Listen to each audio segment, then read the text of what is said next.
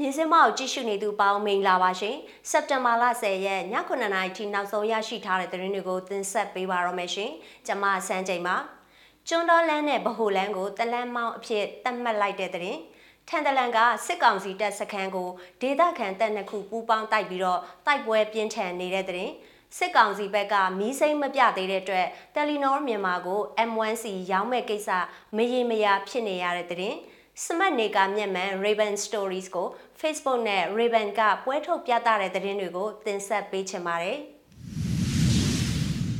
စစ်ကောင်စီကစမ်းချောင်းမြို့နယ်မှာရှိတဲ့ကျွန်းတော်လန်းနဲ့ဗဟိုလန်းကိုတလန်းမောင်းစနစ်အဖြစ်ဒီနေ့မှာစတင်သတ်မှတ်လိုက်ပါတယ်။ကျွန်းတော်လန်းကိုဟန်တော်ဝတီဘက်ကနေဘားကရလန်းထိအသွားတလန်းမောင်းအဖြစ်သတ်မှတ်လိုက်ပြီးဗဟိုလန်းကိုဘားကရလန်းကနေဟန်တော်ဝတီဘက်ထိအသွားတလန်းမောင်းအဖြစ်အတီးတီးသတ်မှတ်လိုက်တာဖြစ်ပါတယ်။အခုလိုတလန်းမောင်းစနစ်ဖြင့်ပြောင်းလဲတက်မှတ်ကြောင်းစမ်းချောင်းမြို့နယ်တဲကအုပ်ချုပ်ရေးမှူးရုံးကလည်းလိုက်ပြီးနှိုးဆော်နေတယ်လို့စမ်းချောင်းမြို့ခံတယောက်ကပြောပါတယ်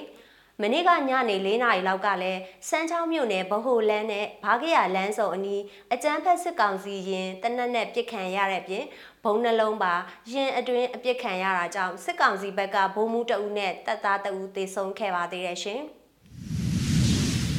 ချင်းပြည်နယ်ထန်တလန်မှာချင်းအမျိုးသားတပ်မတော် CNA နဲ့ချင်းအမျိုးသားကာကွယ်ရေးတပ် CDF ထန်တလန်တို့ပူးပေါင်းပြီးတော့စစ်ကောင်စီရဲ့တိုက်ပွဲတစ်ခုကိုဒီနေ့ဝင်တိုက်နေပြီးတိုက်ပွဲပြင်းထန်နေတယ်လို့ CNF တာဝန်ရှိသူကမြစ်စစ်မအောင်ပြောပါတယ်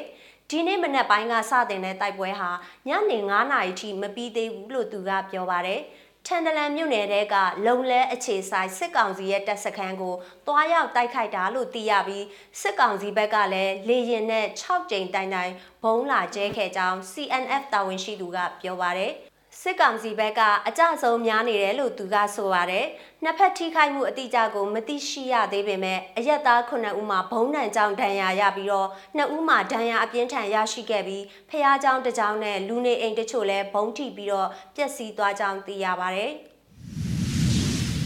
တယ်လီနောကသူ့ရဲ့ဆက်သွယ်ရေးလုပ်ငန်းကိုလက်ဘနွန်ဆက်သွယ်ရေးကုမ္ပဏီ M1 ကိုလက်လွှဲရောင်းချဖို့ပြီးခဲ့တဲ့နှစ်လကသဘောတူထားပြီးဖြစ်ပါတယ်။ဒါပေမဲ့အဲ့ဒီရောင်းချမှုသဘောတူညီချက်ကအဟန့်အသားတွေနဲ့ကြုံရနိုင်တယ်လို့ဂျပန်နိုင်ငံအခြေစိုက် Nikkei Asia သတင်းတရက်မှာဖော်ပြထားပါတယ်။ အကြောင်းကတော့တယ်လီနောရဲ့အယောင်းဝယ်သဘောတူညီမှုကိုမြန်မာနိုင်ငံရဲ့ရင်းနှီးမြှုပ်နှံမှုဥပဒေအရပို့ဆောင်ရေးနဲ့ဆက်သွယ်ရေးဝန်ကြီးဌာနနဲ့ရင်းနှီးမြှုပ်နှံမှုကော်မရှင် MIC တို့စီကနေအတည်ပြုချက်မရသေးလို့ဖြစ်ပါတယ်။ဒီလိုမြန်မာနိုင်ငံတဲကရင်းနှီးမြှုပ်နှံမှုတွေကိုအယောင်းဝယ်လုပ်မယ်ဆိုရင် MIC ရဲ့သဘောတူညီချက်နဲ့သက်ဆိုင်ရာဝန်ကြီးဌာနတွေကအတည်ပြုပေးရတာပါ။ ဝင်ကြီးဌာနကနေတရားဝင်မှုရဖို့ရက်ပေါင်း60ကျိုးပြီးအတိပြုချက်တင်သွင်းရတယ်လို့သိရပါတယ်။ဒါပေမဲ့တရားဝင်ရက်နောက်ဆုံးရက်ဟာနီးကပ်နေပြီဖြစ်ပေမဲ့စစ်ကောင်စီလက်အောက်ခံပို့ဆောင်ရေးနဲ့ဆက်သွယ်ရေးဝင်ကြီးဌာနနဲ့ရင်းနှီးမြှုပ်နှံမှုကော်မရှင်တို့ကနှုတ်ဆက်နေဆဲဖြစ်ပါတယ်။ နော်ဝေးကုမ္ပဏီတယ်လီနောကဇူလိုင်8ရက်နေ့မှာသူ့ရဲ့လုပ်ငန်းကိုလက်ဘနွန်အခြေစိုက်တယ်လီကွန်လုပ်ငန်းကြီး M1 Group ထံမှဒေါ်လာ105သန်းနဲ့ရောင်းချဖို့သဘောတူညီခဲ့တာဖြစ်ပါတယ်။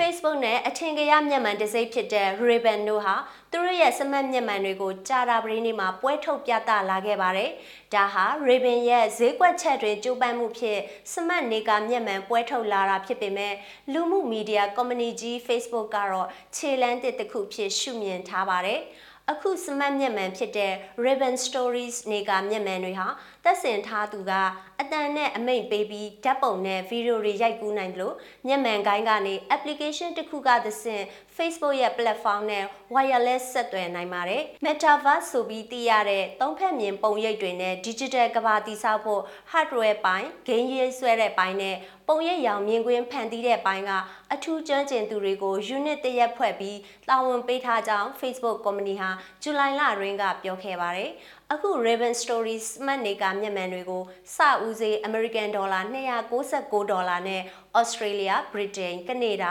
Ireland, Italy နဲ့ American နိုင်ငံတွေမှာစတင်ပွဲထုတ်ရောင်းချသွားမှာဖြစ်ကြောင်းသိရပါတယ်။